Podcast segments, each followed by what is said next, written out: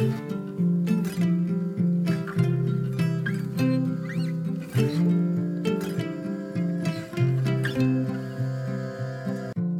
och välkommen till For Health med Anna Sparre.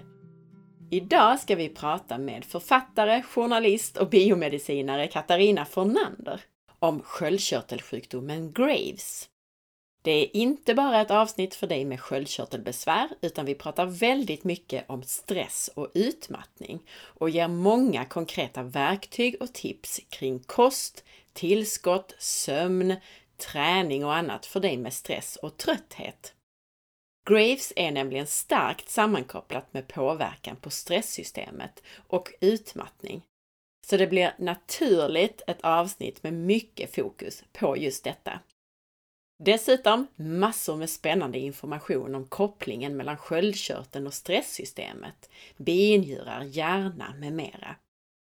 Och Katarina berättar också väldigt konkret om hur meditation kan läka kroppen och hur det förändrade hennes hälsa. Vi pratar helt enkelt om de saker som Katarina önskade att hon hade fått veta när hon fick sin diagnos. Det blir konkret om allt från kost och tillskott till hur du kommer åt det parasympatiska lugn och rosystemet, kommer igång med meditation och förbättrar din andning. Om du gillar den här podcasten och den gratis information den innehåller, så dela med dig till din vän eller familjemedlem eller varför inte på Facebook.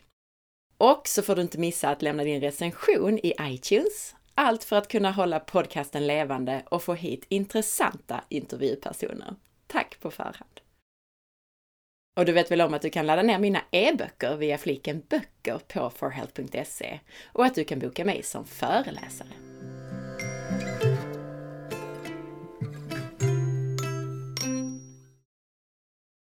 Hej Katarina och välkommen! Hej Anna, vad roligt att få vara med. Tack så mycket. Ja, och vi ska snart få höra din egen berättelse, men kort bara berätta vem du är. Mm, jag heter Katarina Fornander och jag har en magister i biomedicin från Karolinska institutet och jag är journalist inom medicin och hälsa. Och idag så ska vi prata om Graves, så att jag tänkte bara börja med att fråga dig helt kort. Vad är Graves för någonting? Graves tyreoditi är den vanligaste typen av överfunktion i sköldkörteln, det vill säga vanligaste typen av hypertyreos. Och totalt så lever cirka 1% av Sveriges befolkning med sjukdomen.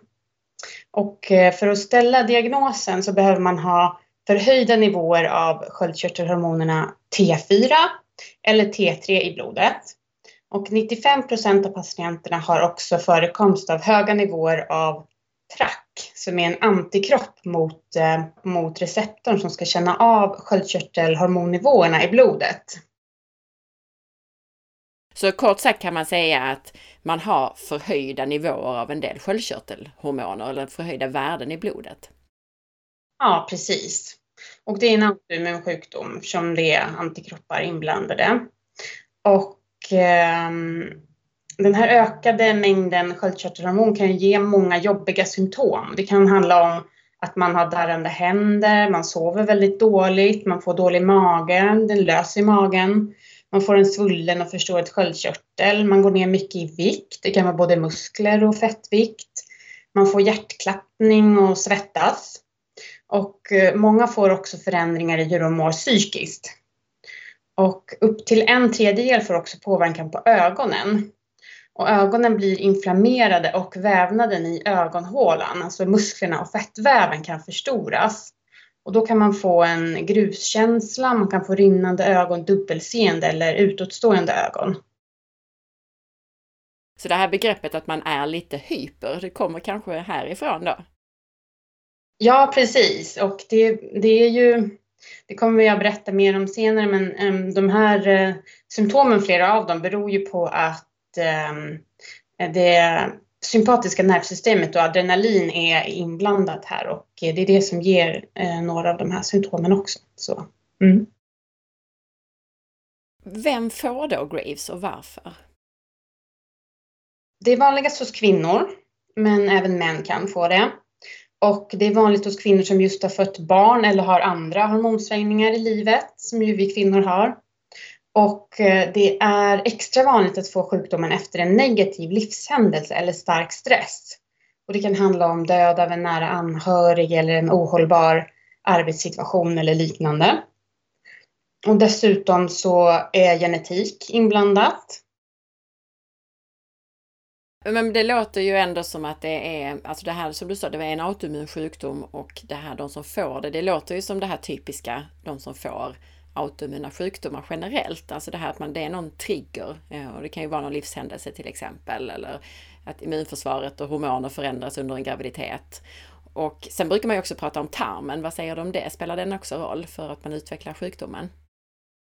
Ja, det finns ju eh, Alessio Fasano som har forskat mycket på celiaki och läckande tarm och eh, han eh, har ju kommit fram med en, eh, den här, just den här tre, trepunkters teorin där läckande tarm är den sista faktorn som eh, antagligen då är med och bidrar till autoimmun sjukdom. Det vill säga när tarmen läcker så kan proteiner, eh, det kan vara bitar av maten vi äter, bitar av bakterier som kommer in i blodbanan och som då kan, kan vara liknande våra egna proteiner som till exempel då TSH-receptorn i sköldkörteln och det kan då trigga igång immunförsvaret om, om tarmen läcker och det här kommer ut i blodet. Jag tänker här, det kan ju vara så att vi har några nya lyssnare. Vi har ju pratat om autoimmunitet i tidigare avsnitt, men det handlar ju om precis det du sa, alltså att kroppens immunförsvar börjar angripa egen vävnad. Och i det här fallet handlar det då om, om sköldkörtel och sköldkörtelhormoner och receptorer och så vidare för detta. Och du har ju själv diagnostiserats med Graves. Kan du berätta om din egen resa? Mm. Eh, jag själv började må dåligt under hösten 2014 och jag minns det som att jag vaknade upp en morgon i oktober och allting var bara grått inom mig. Det var grått på himlen men det var också grått inom mig. Och jag kände rent ut sagt att livet inte var värt att leva längre. Och den första tanken jag fick då var att det var en psykologisk reaktion på sånt som hade hänt mig tidigare under det året.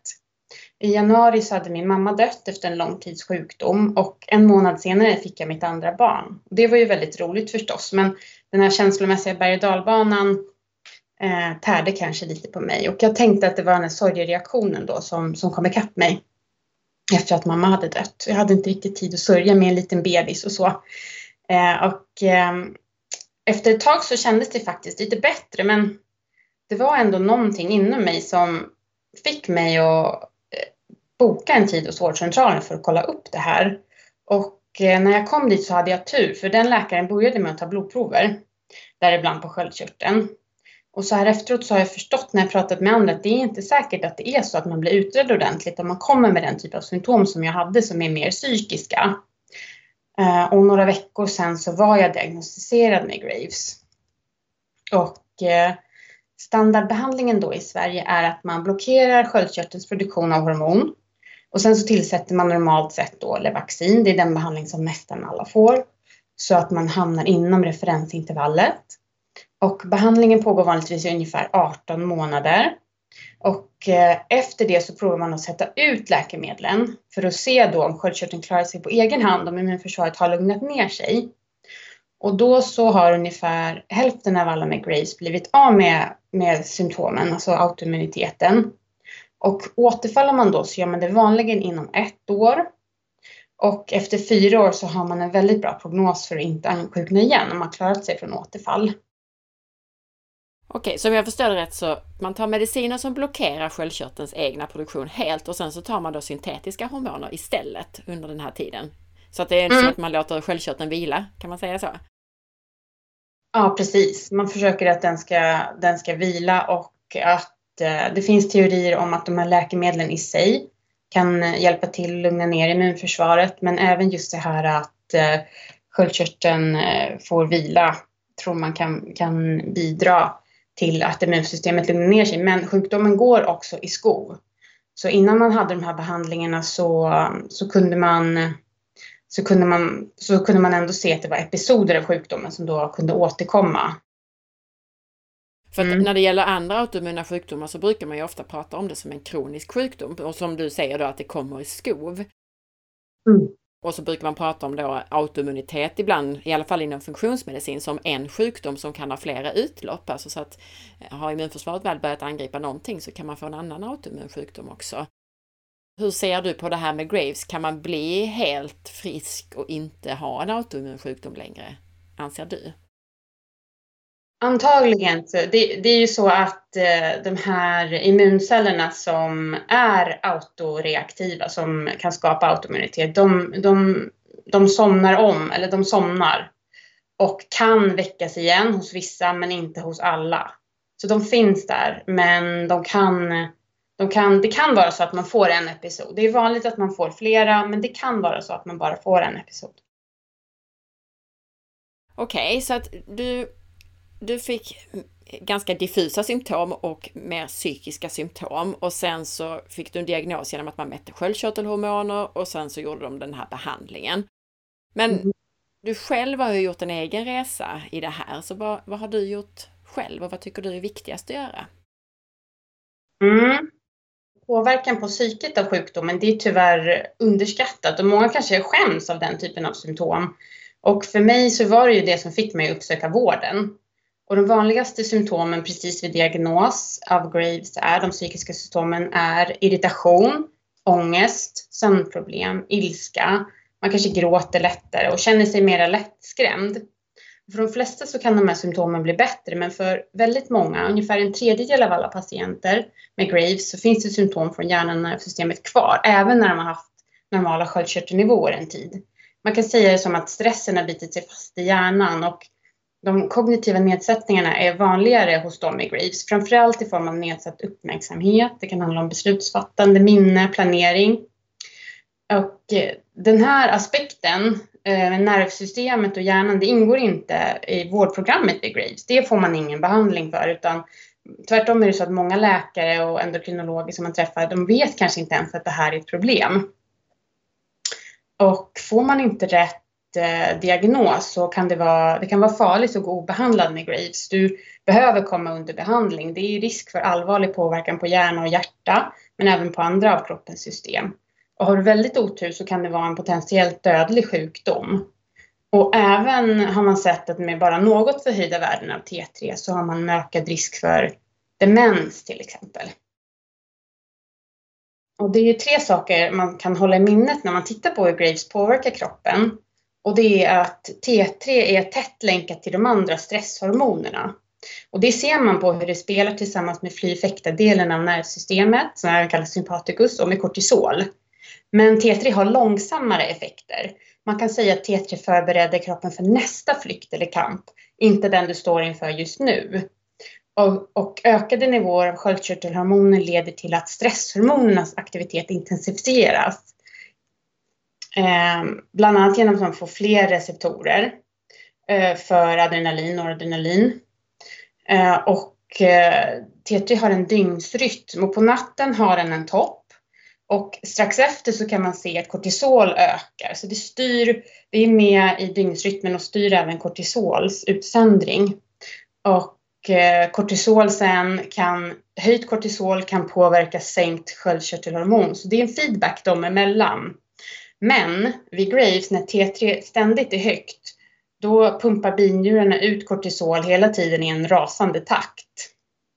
Och T3 har en stor påverkan på hjärnan och nervsystemet. Man pratar så mycket om ämnesomsättningen och eh, eh men det är också ett hormon som är avgörande för hjärnan och nervsystem. Och faktum är att ingen annanstans i kroppen så sitter receptorerna för T3 så tätt som i det limbiska systemet. Och det limbiska systemet är ju vårt centrum för känslor och kognition. Och eh, T3 är helt nödvändigt för en normal utveckling av hjärnan från att vi är små foster. Och rätt mängd behövs också för att vi ska må bra i, psykiskt i vuxen ålder, för för lite är ju inte heller bra. Det ser man ju vid hypotyreos, att då kan man ju må dåligt och få sänkt livskvalitet på grund av det. Så det ska handla om att man ska ha rätt nivåer. Och det kan handla om eh, psykisk ohälsa som depression, ångest eller till och med demens som jag nämnde. Eh, och när T3 är ständigt högt så leder det till en obalans i autonom, autonoma nervsystemet. Och den viktigaste nerven för vårt lugnande nervsystem kallas för vagusnerven. och vad som händer under långvarig stress av alla sorter, inte bara, nu kallar jag Graves för, för en typ av stress och det är, har vi sett med att det är kopplat till adrenalin. Så att de sympatiska nervbanorna blir starkare och de parasympatiska blir svagare.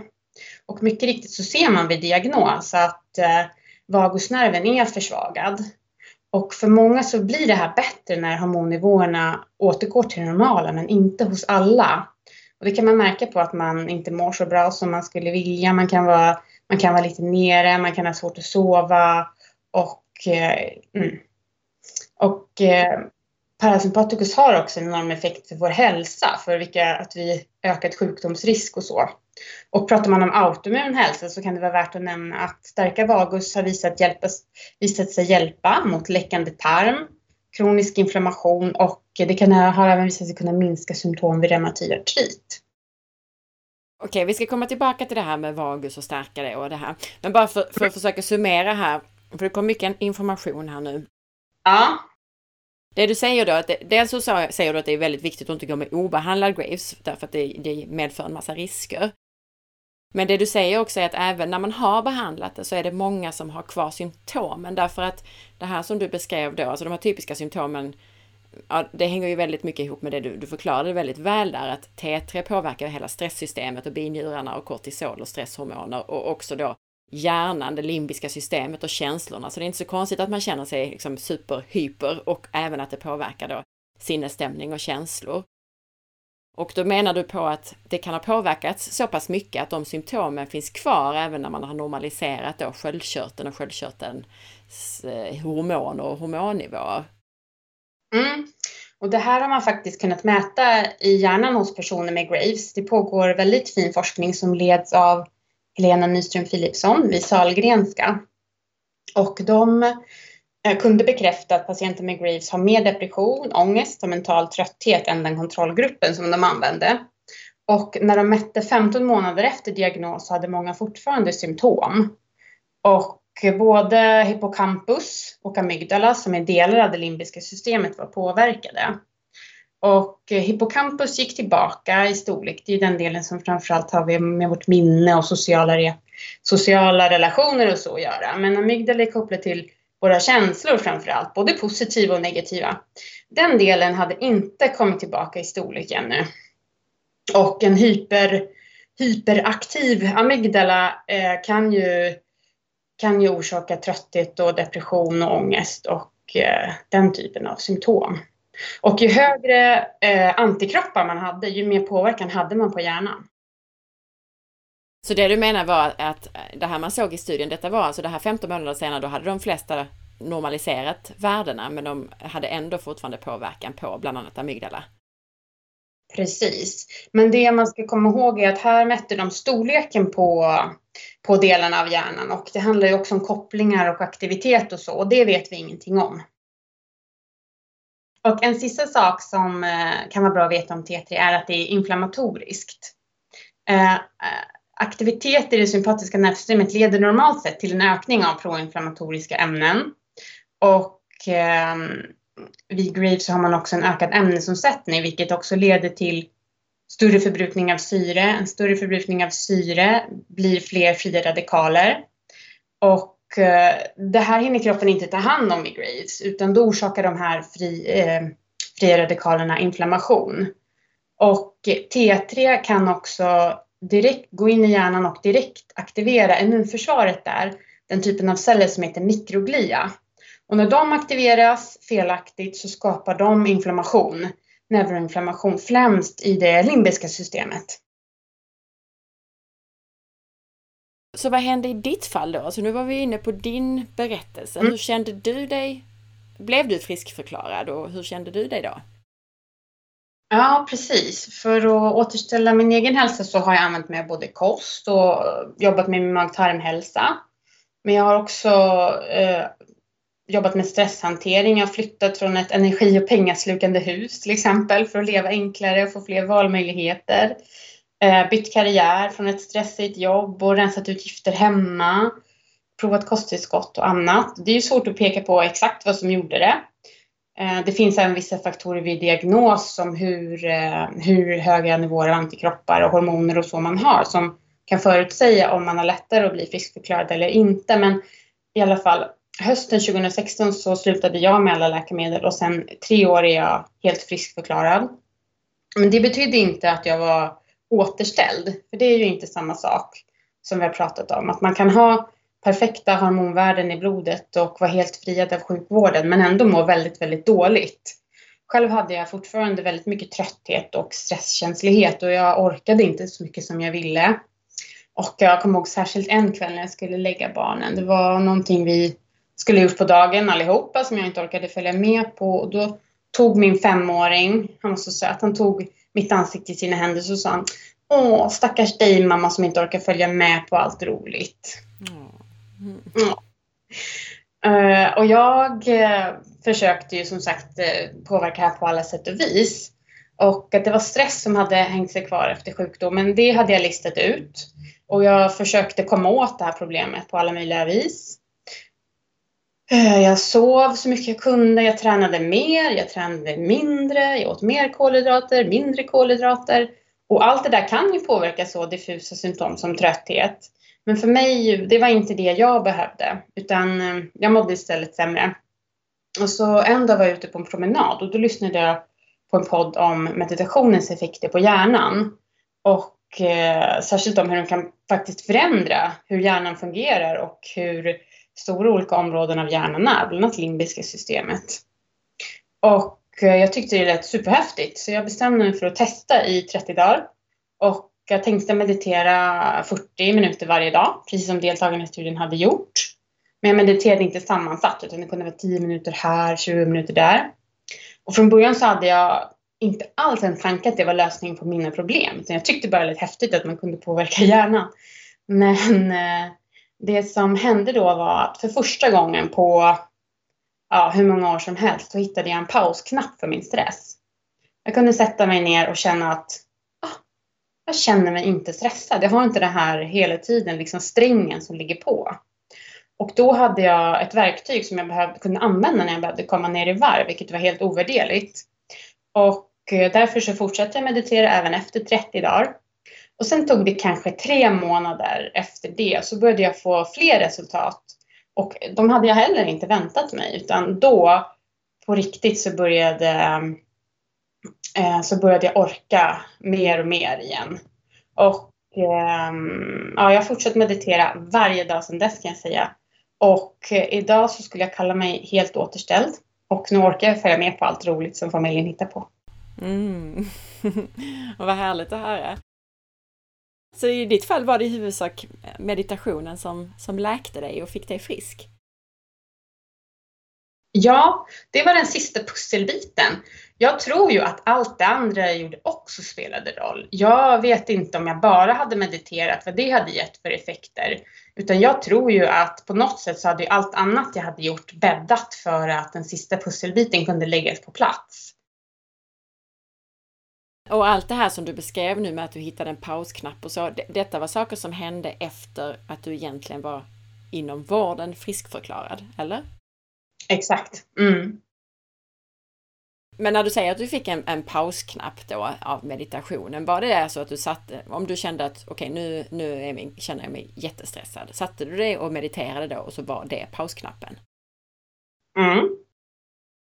Ja men vad bra, vad roligt. Då ska vi prata mer om det. Ska du få ge oss lite tips här snart på hur man, hur man bäst kommer igång med den där meditationen. För jag tror det är många som har insett att, eller man har hört det här i flera poddar och man har hört det på annat sätt att det är så fantastiskt viktigt och bra med meditation och mindfulness och sådana här saker. Men jag tror att det är många som har svårt att komma igång och faktiskt se till att avsätta tiden. Men nu, jag kände med de resultaten som du fick så tror jag många blir väldigt motiverade faktiskt.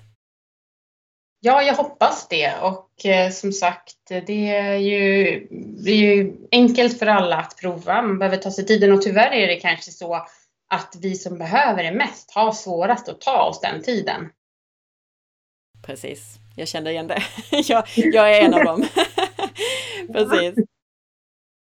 Men vi ska prata mer både om det, alltså mer praktiskt, både om vad du gjorde med kost och, och vad du rekommenderar där och med tillskott och sådär och med meditationen. Jag tänkte bara att vi tar några andra saker först. Det ena är, alltså man pratar ibland om att många med autoimmun sköldkörtelsjukdom går från hyper, alltså det som Graves är, till hypo, alltså att man går från en överfunktion till en underfunktion. Vad säger du om det? Mm, det är ju väldigt vanligt och det är någonting man verkligen ska vara uppmärksam på. För eh, här har vi ytterligare en anledning till varför man efter eh, så lång tid kanske ännu inte mår bra. Det är ju att man kan ju ha andra autoimmuna sjukdomar samtidigt. Ungefär 10% har det och hypotyreos är helt klart en av de vanligaste. Men även diabetes typ 1, celiaki, vitiligo, reumatoid artrit är ju vanliga. Och eh, inte, inte bara autoimmuna sjukdomar utan egentligen också hjärt-kärlsjukdom, psykisk ohälsa som vi pratat om, demens, benskörhet. Så mm, vi behöver ta extra hand om oss, vi med Graves. Du sa man kan ha hypotyreos samtidigt som man har Graves, men, men det betyder att man har fått en Graves diagnos, men sen så blir, blir det då till slut en underfunktion när, när sköldkörteln har angripits tillräckligt länge. Är det det som händer eller hur förklarar man det? Ja, jag vet att Kerstin Brisma brukar kalla det för hashikos. Som en, och då menar hon att om man ser redan vid eh, diagnosen av Graves att man har samma antikroppar som man har vid hypotyreos, det vill säga framförallt eh, mot TPO. Och det kan absolut vara så att eh, det inte finns tillräckligt med, med vävnad kvar efter att Graves har orsakat en inflammation där. Men det kan också vara så att det är den här samtidiga, alltså flera sätt som kroppen attackerar sköldkörteln på. Så då blir det, då blir det egentligen hypotyreosen som orsakar sen att eh, eh, sköldkörteln inte kan producera tillräckligt med, med hormon. Ja, men det var en jättebra förklaring så att man kan ha de här TPO-antikropparna som är vanliga när man får Hashimotos, alltså underfunktion i sköldkörteln, samtidigt som man då har andra eh, antikroppar som man gör att man får Graves, som till exempel de här trakt eh, TR-antikropparna. Just det. Sen sa du det här att det kan ju vara det är inte så bra att gå obehandlad med Grace för att det var massa andra komplikationer där. Du nämnde benskörhet och, och risken för demens och sådär. Men eh, försvinner den risken om man behandlas av den vanliga vården? Sen kan man ju må dåligt ändå som du sa. Alltså försvinner den risken bara av den här vanliga behandlingen som man får? Ja, eh, den största risken försvinner, den omedelbara risken. Men till exempel för hjärt kärlsjukdom så kvarstår den under många år efteråt och amerikanska sköldkörtelförbundet eh, eh, rekommenderar att man tänker på den här risken, att man anpassar sin livsstil utefter det så att man lever på ett sådant sätt att man stärker hjärt-kärlhälsan. Men fördelen med att anpassa sin livsstil för att läka autoimmunitet är att du får ju de andra på köpet. Så det är bara ytterligare en anledning att, att, göra, att göra livsstilsförändringar. Just det, så det kan ju handla om att man äter bra och sådär som, som gör att man då förebygger både hjärt och kärlsjukdom och läker ut sin Graves. Precis. Nu tror jag att vi börjar få lite bättre koll på det här med Graves. det är svårt för det är inte alla som vet vad det är eller har hört om det och, och så. För man pratar ju mycket om sköldkörteln och underfunktion i sköldkörteln men det är inte alla som har hört om att man också kan ha överfunktion i sköldkörteln. Nej, det är lite mindre vanligt. Du skriver ju faktiskt en bok nu om det här med Graves och det gör du ju för att du önskade att du hade fått en massa annan information när du fick din diagnos. Och vad är det egentligen som du önskar att du hade fått veta när du fick diagnosen Graves? Ja, framförallt så önskar jag att eh, jag hade fått informationen att det kunde vara livslångt om man inte kommer till rätta med det. Och sen också att jag hade fått hjälp att ta reda på hur just min kropp hade påverkats. För det kan väldigt, nämligen vara väldigt individuellt. Så är du någon som har risk för benskörhet så kanske du behöver jobba med det och har du, är du predisponerad för att få symptom från, från hjärnan så behöver du jobba på det och eh, så kanske att någon kollade av efter några månader hur man mår och hur det hur det står till och ge då verktyg för att hjälpa den här återhämtningen på traven.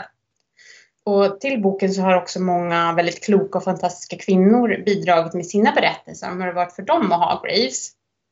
Och eh, de berättar att de ofta får intrycket av att ja, men om några veckor kommer det vara bra eller de har inte fått information om att det kan påverka ja, men i stort sett alla aspekter av livet. Och sen så finns det ju mycket positivt och ljus också och flera tipsar om sina livsstilsförändringar som de har gjort som har fungerat. Många har haft hjälp av kosten och till exempel autoimmuna protokollet som vi, jag kommer nämna mer också och yoga, meditation eller andra så kallade mind-body tekniker. Men när du säger det här att man skulle då följa upp och se vad är dina eh, riskfaktorer eller dina områden där du har drabbats mest. Skulle då vården göra eh, tester på det här på något sätt? Alltså vad skulle det vara i så fall? Ja men det vore ju drömmen, eller hur? mm. Men vad är det man vill testa då, tänker jag? För om man nu kanske, vissa kan ha ju möjlighet att göra sånt här privat kanske. Så vad är det man vill testa i så fall? Då skulle jag tänka mig att man kunde testa hur vagusnerven fungerar. Det är ju faktiskt egentligen väldigt enkelt bara man har rätt, rätt utrustning för det. Hur gör man det då? Hur testar man att vagusnerven fungerar? Då kan du använda till exempel HeartMath.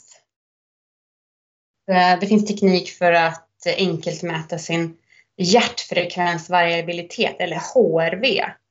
Och det är ju att man kanske har bilden av att Eh, Eh, hjärtslagen ska vara exakt lika varje gång. Men ju mer eh, parasympatikusaktivitet du har, ju mer kan de här variera. Och eh, det ska finnas ett tak och ett golv som är ganska, det ska vara ganska långt emellan dem så att ett friskt nervsystem kan variera mellan, eh, mellan att vara i sympaticus eller parasympaticus. Och det är egentligen väldigt, väldigt enkelt och smärtfritt att mäta. Jag har själv en sån här liten apparatur som man sätter i örsnibben ja. och så hemma och så kopplar man det till sin mobil och så, så andas man. Det du beskrev är ju att även om man har en, kanske en genomsnittlig, genomsnittlig vilopuls på 60 eller 70 slag per minut så inom den minuten så varierar, kan det ju variera mellan kanske 45 och 90 till exempel. Så att det är väl det, är det du, du tänker på då, eller hur? Mm, precis. Och det kan ju variera också, eller, eller som jag har sett det i, eller lärt mig så ska det ju gärna då variera ganska regelbundet då, alltså till exempel på in och utandning, att pulsen går upp lite på inandning och, och ner lite på utandning. Precis. Men det är jättebra. Det är ju något som man kan mäta själv då faktiskt. Mm. Och sen så har vi ju även binjurarnas funktion.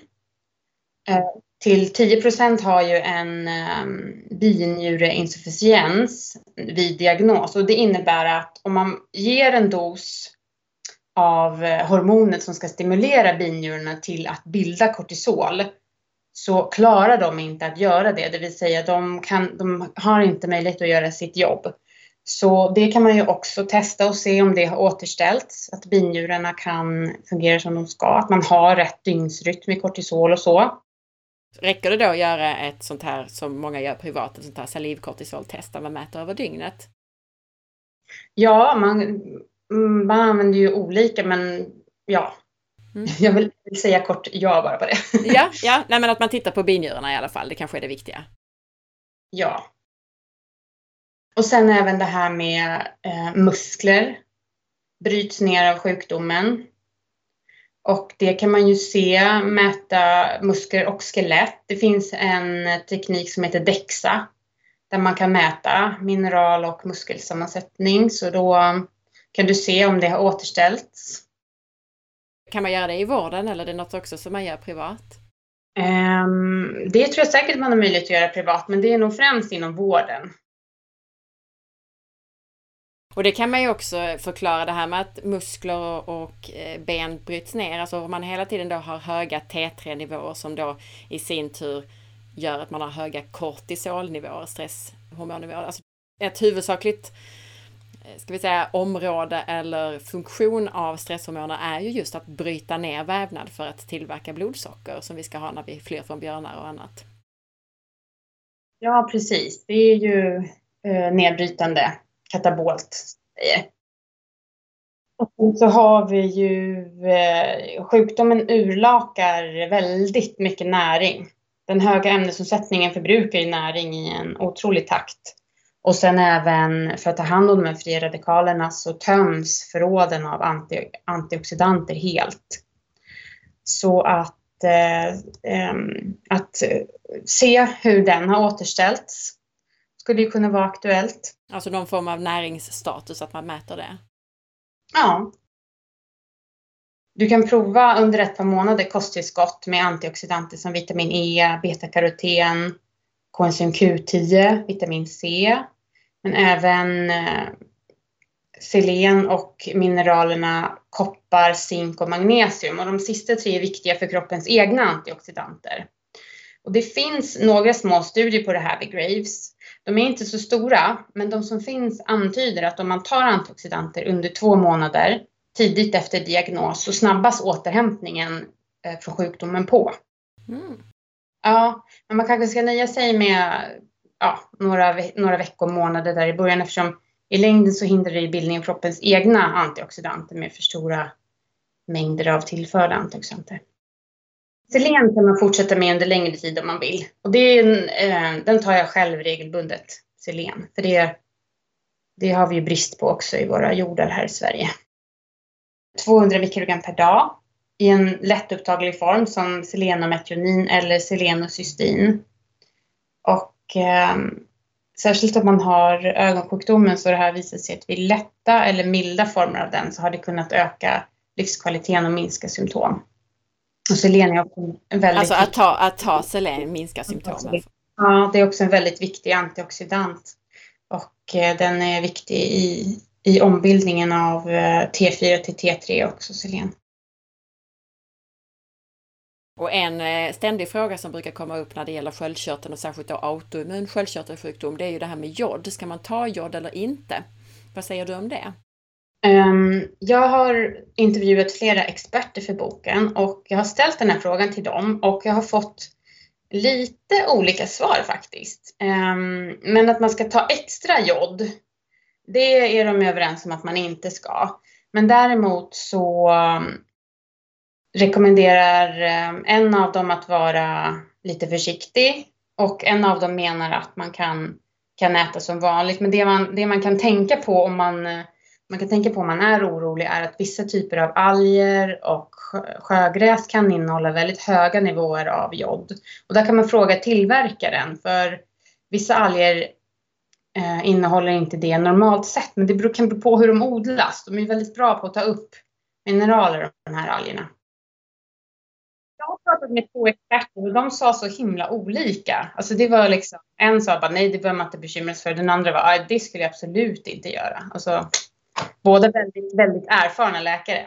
Ja, precis. Och jag, jag, tror att man får bilda sig sin egen uppfattning där kanske. Men mm. de flesta människor behöver mer jod än vad de får i sig. Men problemet blir när man börjar i den änden eller öser på med jod att det, det kan ge kraftiga kraftig påverkan på sköldkörteln och på, ja. på kroppen. Så att jag tror att det viktiga är där att man kanske försöker återställa andra obalanser först och sen så tror jag att de flesta behöver en ganska jodrik kost, men att man kanske inte ska ösa på med massa jodtillskott, särskilt inte i början.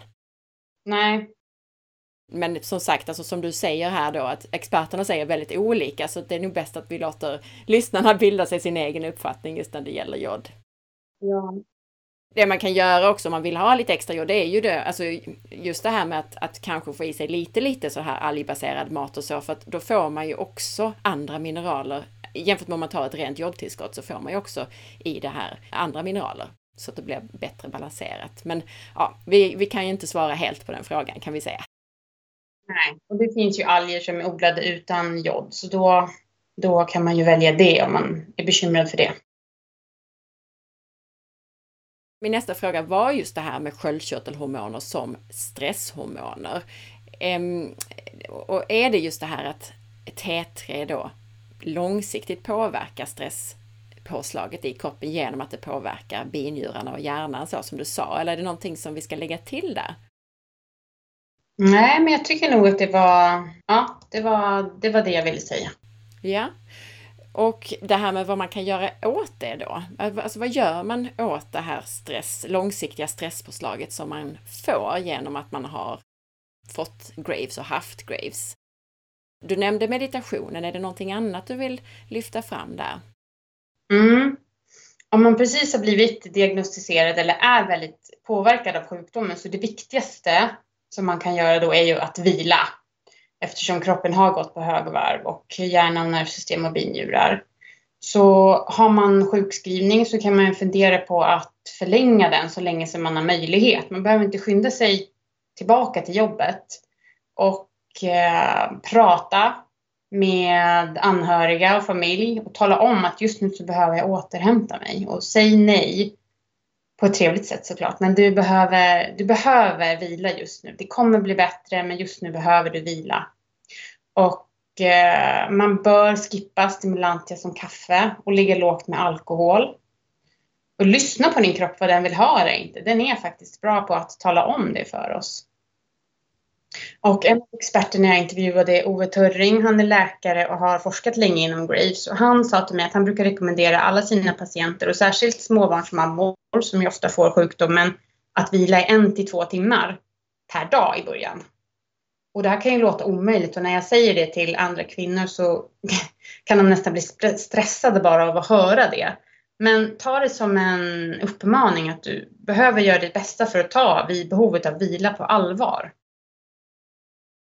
Räknas meditationen in i de där en till två timmarna på dagen? Ja, det tycker jag. Absolut. Jättebra, då kan man ju se det som en period när man lär sig meditera. mm, exakt, där fick du tiden till det. Kerstin som jag intervjuade för boken, hon berättade för mig att innan dagens läkemedel fanns så var behandlingen just att ligga i lugn och ro i ett mörkt och tyst rum och då förhoppningsvis så kunde sjukdomen läka ut. Och eh, kopplat till att vila är ju att lära sig att sova igen. Sjukdomen gör en, ger en upphackad och fragmentarisk sömn.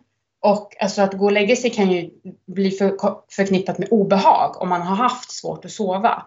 Så därför så behöver man lägga krut på att återställa sömnen. Det är viktigt för det möjliggör ju all annan återhämtning. Och eh, jag vet att du ofta brukar säga det och jag håller verkligen med att man bör stärka dygnsrytmen med hjälp av dagsljus och ja, hjälpa kroppen att veta nu är det dags att sova. Nej, jag tänkte det kan ju vara stressande i sig att höra att okej, okay, du måste vila och sova mer när man känner att man inte kan sova. Vad gör man då? Du sa det, ja men dagsljus på morgonen så man återställer dygnsrytmen. Eh, meditera och liknande så man kan komma ner i varv. Är det någonting annat man kan göra där? En tydlig dygnsrytm, inte äta för mycket på kvällen. Eh, stäng igen telefon eller dator. Läs eller titta inte på sånt som gör dig upprörd utan varva verkligen ner. Jobba inte och vad gör man om man vaknar på, alltså många vaknar ju då på natten, sådana som är uppe i varv, mycket vaknar man ju på natten eller kanske tidigt på morgonen och har svårt att somna om. Vad gör man då? Mm. Ja, det kan ju också hänga ihop med att eh, binjurarna och adrenalinet där eh, väcker upp en vid fel tidpunkt på dygnet och så. Om jag själv vaknar upp nu på natten och har svårt att somna om, som nu de här senaste dagarna har väl varit väldigt varmt så det har varit svårt att sova på grund av det, då då brukar jag faktiskt sätta mig och meditera på natten och det fungerar jättebra. Så en stunds återkoppling och det behöver ju inte bara vara meditation utan det finns ju faktiskt mycket annat man också kan göra för att, för att lugna ner nervsystem och hjärna. Man kan säga att du går upp eh, och sätter dig och mediterar och så tills du känner att okej, okay, nu börjar jag bli trött och så kan jag gå och lägga mig igen. Ja, kan vi djupdyka lite i det här hur man gör praktiskt? Absolut, mm. gärna. Först och främst, om man nu får diagnosen Graves eller om man känner med sig att man har de här symptomen, var börjar man någonstans? Det är nämnt att man ska vila och sova. Även minska på sin psykiska stress och eh, kanske spara alla frå stora frågor eller funderingar som man har tills man är lite bättre balans. För det, många kan beskriva sig som att de känner inte igen sig själva och sin personlighet. Det ligger faktiskt mycket i det därför att stressen påverkar också frontalloben, vår nyaste del av hjärnan där personligheten sitter. Så det kan vara så att man faktiskt är lite mindre sig själv. Så minska på stress och oro och fatta inga stora beslut. Och eh, sen så är ju kosten en jätteviktig bit därför att den har ju, Eh, där har du möjligheten att dels fylla på näring och sen även bidra till att eh, autoimmuniteten lugnar ner sig. Och när det gäller att eh, fylla på näring så handlar det om att äta en eh, välja råvaror som är packade med så mycket näring som möjligt. Eh, till exempel, det kan vara inälvsmat eller näringsrika grönsaker. Och vad innebär det att man, det här med du sa att man kan också läka autoimmunitet med eh, kostens hjälp. Vad är det särskilt man ska tänka på då? det finns ju många som provar det som kallas för autoimmunkost. Och eh, den förklarar principen för hur man kan läka sig med hjälp av kosten bra. För det handlar ju om att eh, dels tillföra näring och bra råvaror. Men sen även tänka på att inte äta sånt som retar tarmen eller immunförsvaret och som urlakar dig på näring. Alltså handlar det om bland annat spannmål, mejeriprodukter, man brukar ta bort ägg eh, och så, så, sånt då som också kan påverka rätta tarmen och påverka näringsupptag och så. Det har, har att göra med bönor och nötter och så. Mm, precis. Att man undviker sådana saker. Ja. Du kan även eh, använda dig av tillskott om du vill det och då rekommenderar jag att man kan äta ett multivitamintillskott initialt som då är ett, av hög kvalitet och då kunniga hälsokostbutiker kan guida dig till ett eh, bra, bra tillskott. För det ska vara ett som har näringsämnena i lättupptagliga former. I de här billigaste tillskotten så är det oftast former av eh, näringsämnena som kroppen inte kan tillgodogöra sig tyvärr. Och när du säger multivitamin, menar du multivitamin och mineraltillskott? Ja, precis. Mm. Där ingår ju några antioxidanterna också. Just det, ja, som vitamin E och C och sådana här och selen och liknande. Mm. Men menar du då att man ska ta det, de här tillskotten tillfälligt? Medan man läker kroppen? Alltså särskilt de höga doserna av antioxidanter som vi nämnde. Och sen så även kan man testa och se om man behöver tillskott av vitamin D det finns ett samband mellan grapes och låga D-vitaminnivåer. Man har sett att det är vanligare hos de som blir sjuka. Och man gjorde en randomiserad studie för att se hur tillskott påverkade eh, utfallet av sjukdomen och då visade man att man kunde fördröja men inte förhindra att det skedde återfall. Men nu var målet för den här behandlingen, de D-vitaminvärdena var under det som man oftast eh, menar är optimala för oss. De var lite åt det låga hållet. Och forskarna själva nämner att de vill göra studier där de testar högre doser D-vitamin. Men har man låga D-vitaminvärden så är det alltid en bra idé att återställa dem oavsett. Så vila, äta en näringstät kost och gärna en autoimmun kost. Ta några välvalda tillskott och sen så har du ju varit inne på det här med att meditera. Är det någonting annat då när det gäller det här med hur vi hjälper hjärnan och nervsystemet och binjurarna som du vill påpeka att man bör göra? Det finns ju flera sätt, annat än meditation, för att komma åt en aktivering av vagusnerven och lugna ner det limbiska systemet. Och eh, den fantastiska fysioterapeuten Petra Kalla Eh, så hon driver Sacred Spine och hon har bidragit till boken med flera av sina favoriter. Och det finns ju egentligen ett helt smörgåsbord att prova från så jag tror att alla kan hitta något som de gillar.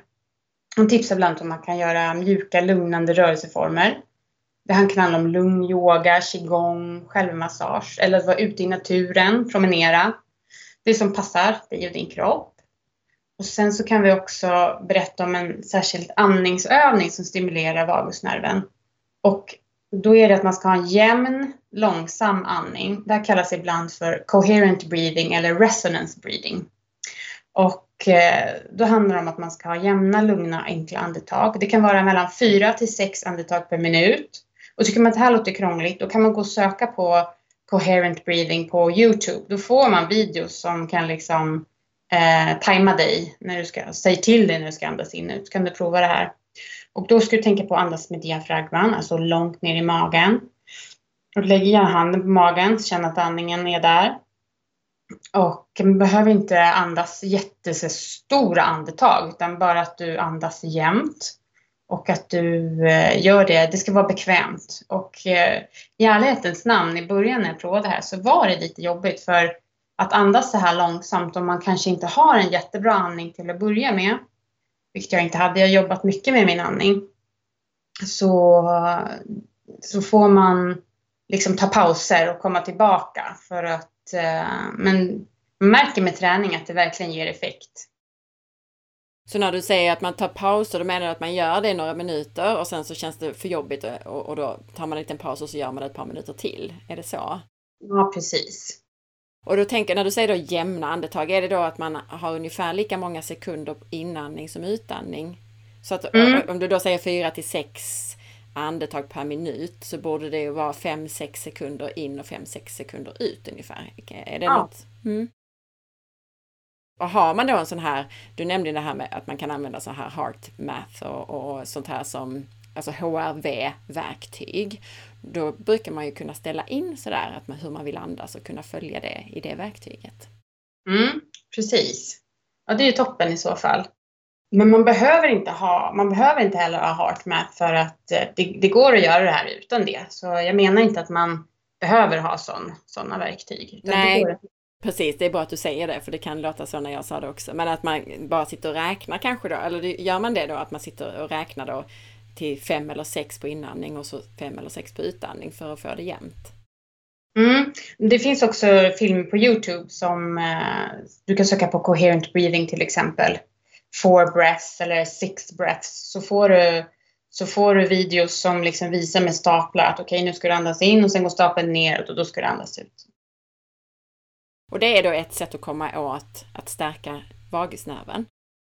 Precis. Och den sitter också väldigt ytligt runt struphuvudet. Så därför kan man aktivera den med vibrationer från rösten. Så man kan sjunga eller man kan ljuda mantran. Ehm, det finns också när man hummar till exempel så kan den aktiveras. Och det finns en yogaövning som heter just humlan. Och då ska man andas in och sen så stänger man läpparna och så gör man ett så här mm, ljud så att det verkligen surrar. Och sitter man så en stund så känner man faktiskt skillnad på, på hur man mår. Och en andningsövning kan vara mellan 5 och 15 minuter. Så känn efter före och efter hur du mår så att du hittar någonting som ger effekt just för dig. Det är väl ett jättebra sätt att börja komma in i det här med meditation och så också, att man sitter fem minuter och då kanske kör, kör sån här coherent breathing till exempel, eller någon slags humövning eller så, eller, eller sjunga mm. lite kanske i duschen. Ja men verkligen. Mm sjunga i kör, det borde funka lika bra det, tänker jag. Ja, absolut. Kanske ännu bättre, för då får man hela den här gemenskapsfaktorn, det sociala viktiga också. Precis. Någonting annat där när det gäller vagusnerv? För det känns ju som att det är en nyckel i det här när vi lyssnar på dig. Alltså det känns som att kosten och det är på något sätt grunden, men sen så är det här nyckeln för att allt ska falla på plats. Ja, just att komma till rätta med den här eh, stressen som har satt spår i hjärna och nervsystem? Ja. Jag tänker då när det gäller själva meditation och, och, liknande övningar då. Alltså många tycker att det är väldigt svårt att komma igång med det. Och mycket handlar ju om att man kanske inte, alltså det känns som en tröskel man ska komma över. Hur kom du igång? Alltså har du några tips? Jag är ganska envis, så när jag hade bestämt mig för det så gjorde jag det varje dag. Men jag, jag, jag känner ju igen, jag känner igen att det, var, det tar ju emot. Och i början så, så känns det som att Eh, man tänker på annat hela tiden och det är helt normalt.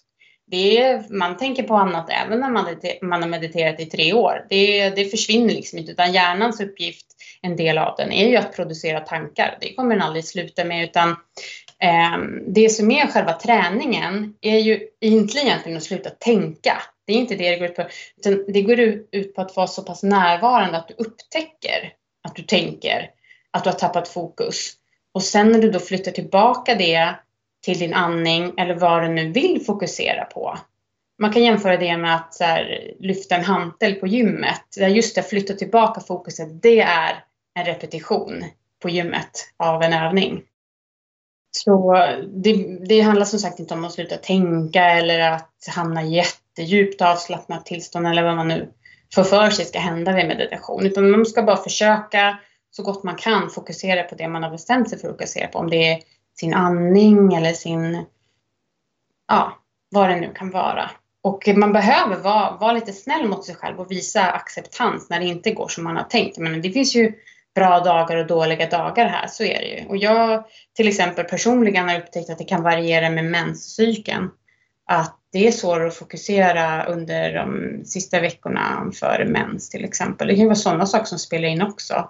Så man kan börja och börja med tre minuter, börja med en minut. Sen kan man jobba sig upp och därifrån om det känns bra. Mm, så att det inte blir så mycket tröskel, att man börjar en eller två minuter första dagen. Det kan väl alla sätta sig och göra, sätta sig och fokusera på sin andning i ett par minuter. Ja, jag förstår att 40 minuter kan låta jätteskrämmande. Eh, men ehm, eh, jag tror dock att eh, vill man verkligen förändra Eh, hur hjärnan fungerar i grunden så behöver vi lägga lite tid på det. Gärna 30 minuter per dag. Och när man tänker på det så är det ju inte så mycket tid om man jämför med hur mycket tid vi har lagt på att stressa eller att vara sjuka. Så kroppen är ju egentligen ganska snäll mot oss. Om vi ger den 30 minuter så, så har vi chansen att eh, påverka hur vi mår. Men eh, visst, det, det, är mycket tid. Och, eh, men ge det en prov, prövoperiod. Du behöver inte bestämma dig för att göra det för all framtid utan gör det i alla fall tre månader. Det verkar som att de här snabba effekterna av meditation, som att man kan känna sig bekväm med övningen, man lär sig att slappna av i den och får påverkan på stressen här och nu. Det kan man lära sig fortare, men att, växa, att nya nervceller ska börja växa, att ändra kopplingarna i hjärnan, den typen av förändringar, det, det tar sex till åtta veckor. Och märker man då efter den tiden att det här gav inte mig någonting, nej men då har man i alla fall provat.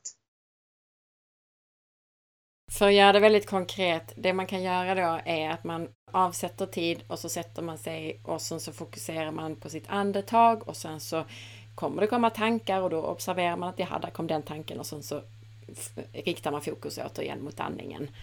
Och sen så kan man då kanske göra det första dagarna bara några minuter bara för att komma igång och sen vill man gärna göra det 30 minuter om dagen för att få de här häftigaste effekterna av meditationen. Ja, men allting kommer göra skillnad såklart. Ja, så just det här med att sätta sig och fokusera på sin andning. De flesta känner nog igen det, att har man gjort det någon gång en stressig jobbdag till exempel, att man satt sig och andats i två minuter, så brukar man ju känna att det ger, det ger en ganska omedelbar effekt. Mm, precis, och det får du. Du får en omedelbar effekt. Och sen så kommer den här uh, långvariga effekten när hjärnan ska bygga om sig. Den tar lite längre tid. när man då har fått Graves, hur ska man tänka kring träning? Mm, det är inte så enkelt alla gånger. Ehm, men det har, träning har potential att hjälpa vid Graves. Så en studie där deltagarna fick, de fick promenera, styrketräna och stretcha flera gånger i veckan. Det visade väldigt positiva effekter med bland annat minskad risk för återfall och ökat välmående. Men i början, så man behöver ju ta det lugnt på grund av eh, att man är påverkad av stressen och sjukdomens påverkan på hjärtat. Och Eh, Kerstin Brismar berättade för mig om sina tre punkter som hon tittar på innan hon godkänner att en patient börjar träna. Och då vill hon att blodproverna ska vara inom referensintervallet. Och sen gör hon en undersökning av patienten om de frågar om de fortfarande känner sig varma, har hjärtklappning eller om de har darriga händer eller så. Och eh, då är det för tidigt. Och sen så uppmanar hon alla att börja med promenader för att se hur det går. Man hjärtklappning eller blir väldigt trött av det, då var det för mycket. Då måste man backa. Men eh, det här vet ju du väldigt mycket också om Anna, för jag har intervjuat dig i boken om just den här biten, för jag vet att du har så bra koll. Vill du berätta lite hur du ser på träning vid stress? Ja men precis, du, du, precis, du frågade ju mig om just då kanske mer generellt vid stress och det gäller ju även här egentligen och det handlar ju väldigt mycket tycker jag om att man lyssnar på kroppen som du själv nämnde här. Alltså träning ska ju kännas bra för att vara rätt. Och i stora drag skulle jag säga att den träningen som man då hade med den här studien, det var ju inte det här att man går ut och springer monotont, alltså ut och löptränar en mil, utan du sa ju själv att det var promenader och lite styrketräning och stretching. Och det är ju en ganska bra sorts träning för en stressad person. För det man gärna vill undvika är det här katabola, nedbrytande, det här som stimulerar mest kortisol, mest, mest stresshormoner och det är mycket konditionsträning, alltså typiskt så kardioträning. Men Eh, det är ju bra för nästan alla att undvika stillasittande. Så att mitt råd är ju framförallt att man lyssnar på kroppen och gör det som känns bra. Och är man i ett stadie där man är extremt utmattad, då kanske det bara är stretching. Andningsövningar och stretching, eh, lite försiktig yoga möjligtvis. Och sen kan man börja promenera, korta promenader och mycket det här vara ute i naturen i dagsljus och då samtidigt röra sig försiktigt. Och känns det då bra efteråt, och när jag säger känns det bra efteråt så är det att om man då en, eh, alltså jag menar 20 minuter efter träningspass så får man gärna vara trött, absolut. Men om man då senare på dagen, senare på kvällen känner att man behöver ligga utslagen i soffan eller man har influensasymptom, ont i musklerna, känner sig nästan lite febrig, då var det ju alldeles, alldeles för mycket den här träningen som man gjorde. Men generellt då, alltså att man, man rör sig försiktigt så att man inte är stillasittande, man är ute i naturen, hellre lite styrketräning än konditionsträning. Och gärna rörlighetsträning, stretching och så vidare. Det är så jag ser på det. Ja, jag önskar att jag hade fått de råden. Det hade hjälpt mig mycket, det är jag övertygad om. Var det någonting annat som du tänkte på som jag sa när du intervjuade mig som, du, som vi borde få med här nu till lyssnarna? Jag tycker det är bra också att du poängterade hur viktig sömnen är. Att man behöver, man behöver sova också för att eh, återhämta, kunna återhämta sig och tillgodogöra sig sin träning. Ja, och det handlar ju mycket om det här med, det här med stress. Alltså det är mycket relaterat till stresshormoner och stresshormonet kortisol. Och då finns det en sån här, man kan säga som en balansvåg mellan sömnhormoner, melatonin och stresshormoner, kortisol. När det ena är högt är det andra lågt och tvärtom. Så att man har den här naturliga dygnsrytmen att när vi slår på sömnhormon, melatonin på kvällen och natten, då sjunker kortisolet och så får vi återhämta oss. Och sen så sjunker då melatoninet, sömnhormonet, framåt morgonen och då ökar kortisolet, stresshormonerna. Så det är ju viktigt att få tillräckligt mycket och tillräckligt djup sömn för att kunna återhämta sig. Och det är ju nästan vårt allra, allra viktigaste verktyg när det gäller stress och utmattning. Och jag gissar då även i, i Graves. Ja, absolut. Och då är det ju det så, alltså vi var inne på det innan det här med dygnsrytm och så, ehm, att man man ser till att komma ut och få dagsljus på morgonen. Så att, för det är ju faktiskt det här dagsljuset stimulerar ju serotonin som man gör att man mår bra under dagen. Och det här serotoninet kan ju sen vidare eh, eller omvandlas sen framåt kvällen när det börjar bli mörkt till melatonin som är sömnhormon då. Och det är väldigt, väldigt viktigt att man har den här tydliga skillnaden mellan ljus och mörker. Och det är ju bra att tänka på då på kvällen också att man inte sitter och stirrar in i skärmar och så som faktiskt har ett ljus som liknar det här dagsljuset, det här klockan 12 på dagen ljuset. Mm. Så att man eh, kommer till ro och sen att man mörklägger, särskilt nu när det är sommar och det är ljust halva nätterna, att man mörklägger ordentligt och så. Mm, precis. Man kan sova med ögonmask också, det gör jag. Det är mm. svårt att få ordentligt mörkt i sovrummet men den där ögonmasken tar ju bort allting. Är det några andra livsstilsfaktorer? Vi har vi pratat om kost och träning och, och stress och så. Är det någonting som vi har missat? Nej, jag tycker inte det, men vi kan prata om en psykologisk faktor kanske. Mm. Om acceptans, som jag också skriver om i boken. Och vad den spelar för roll vid kronisk sjukdom. Ja. För det man kan tänka på är att det är, ju, det är en del av att vara människa, att man upplever fysisk eller psykisk ohälsa. Så är det ju.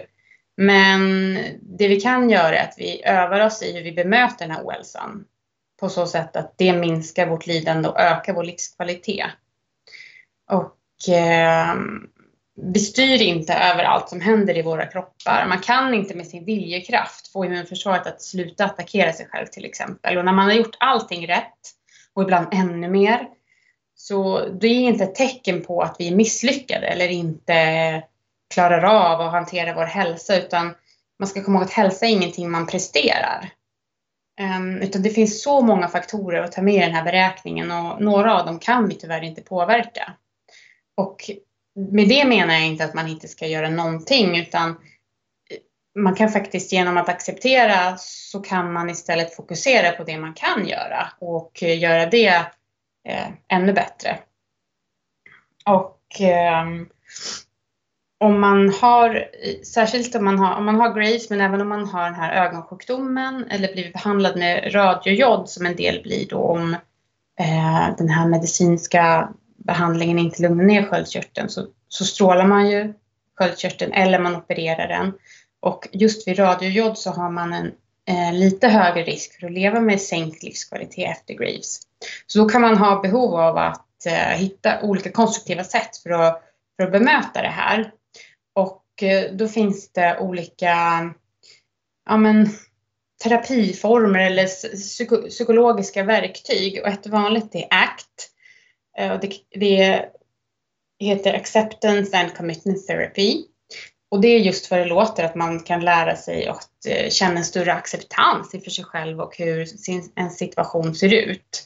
Och ett exempel på en övning därifrån kan vara hur man jobbar med sina tankar. Um, vi är ibland väldigt hår, vi säger ibland väldigt hårda ord till oss själva. Och eh, då kan man få syn på det och börja kanske ändra de mönstren eh, med hjälp av en övning av den här typen. Och så, då, så kan man tänka på, tänk med flit en tanke med, som har formen att du är någonting ja, men, negativt. Det kan vara jag är misslyckad eller jag är dålig. Och så om du kan, försök tänka på någon som du vet att du säger till dig själv återkommande. Och så koncentrerar du på den en stund. Och då kan du ändra den tanken och så sätter du framför, jag tänker att jag är misslyckad. Då blir det genast lite att man får lite mer distans till den. Och sen så kan man lägga till ytterligare några ord till det och så kan man säga jag lägger märke till att jag tänker att jag är misslyckad. Och syftet med det här är som sagt att man ska få lite distans till sina tankar, att inte tro blint på dem, för vi är inte våra tankar. De, eh, de är kanske reflektioner av vår bild av hur verkligheten ser ut, men tänk lite på vad du, vad du säger till dig själv så ska du se att det är inte sanningen som kommer där från tankarna. Och jag har en, apropå acceptans så har jag också en väldigt klok och fin vän som just nu också har Graves och har haft det väldigt kämpigt. Och hon säger så här om sin egen resa till acceptans. Säger hon så här. Jag kan välja att göra det bästa av den situationen som är. Jag kan leva efter de värderingar som är viktigast för mig. Njuta av de ögonblick av liv jag får, även under perioder då de är sällsynta. Så vi har ett val, även när det känns motigt. Hur vi förhåller oss till saker och ting. Vilket bra exempel på det här med eh, acceptans och att träna på acceptans. Tusen tack för all den här informationen Katarina. Kan vi på något sätt sammanfatta det viktigaste här, vad som händer vid Graves och vad man ska tänka, hur man ska tänka? För att sammanfatta så förutom påverkan på ämnesomsättningen som man har vid, som man har vid Graves, som det kanske är första man tänker på, så är det även påverkan på inflammation. Du har, påverkan, du har inflammation på grund av eh, sjukdomen och på grund av autoimmuniteten. Och sen så har du påverkan på hjärna och nervsystem. Sen har även binjurarna fått sig en törn och du har påverkan på eh, skelett och eh, muskler. Så då behöver du, när du har blivit sjuk, behöver du framförallt tänka på att vila väldigt mycket. Mer än vad du tror, mer än vad du egentligen tror att du har tid med. Gör ditt bästa men låt inte stressa dig utan gör bara ditt bästa för att vila. Försök lära dig att sova igen. Eh, fyll på med näring, mycket näringsrik mat, antiinflammatorisk mat som läker tarmen och stöttar den. Eh, är du nydiagnostiserad så kan du prova tillskott av extra antioxidanter.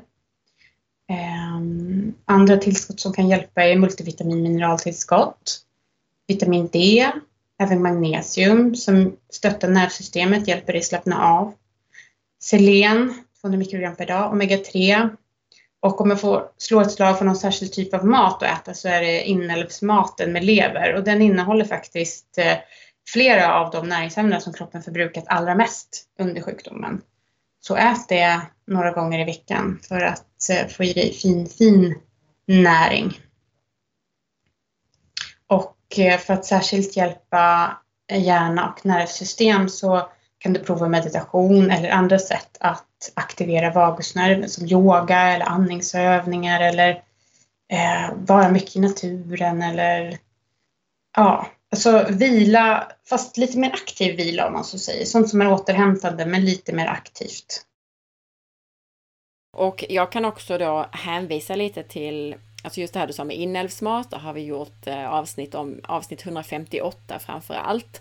Och sen när det gäller autoimmun kost så har vi pratat om det i ett tidigt avsnitt, avsnitt 83. Och så tänkte jag också då när du pratade om det här med acceptans och det här hur man mår bra mentalt så har vi ett ganska nytt avsnitt som är avsnitt 253 som jag tycker är väldigt bra på just det ämnet. Så det kan jag tipsa lyssnarna om också, att gå tillbaka till de avsnitten. Mm, toppen! Vi skrapar ju bara på ytan i vissa saker här och din podd är ju fantastisk med jättemycket bra information, så lyssna vidare verkligen. Tack snälla! Nu är det säkert många lyssnare som blir nyfikna på det här. Du skriver ju bok. När kommer den boken och hur hittar man den eller hur hittar man mer information från dig generellt? Boken heter Efter Graves, Din väg till läkning och den kommer ut i september.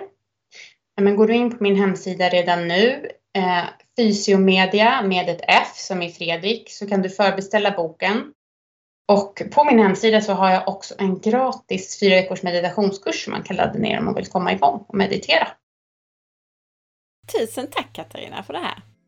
Ja, tack så hemskt mycket för att jag fick vara med!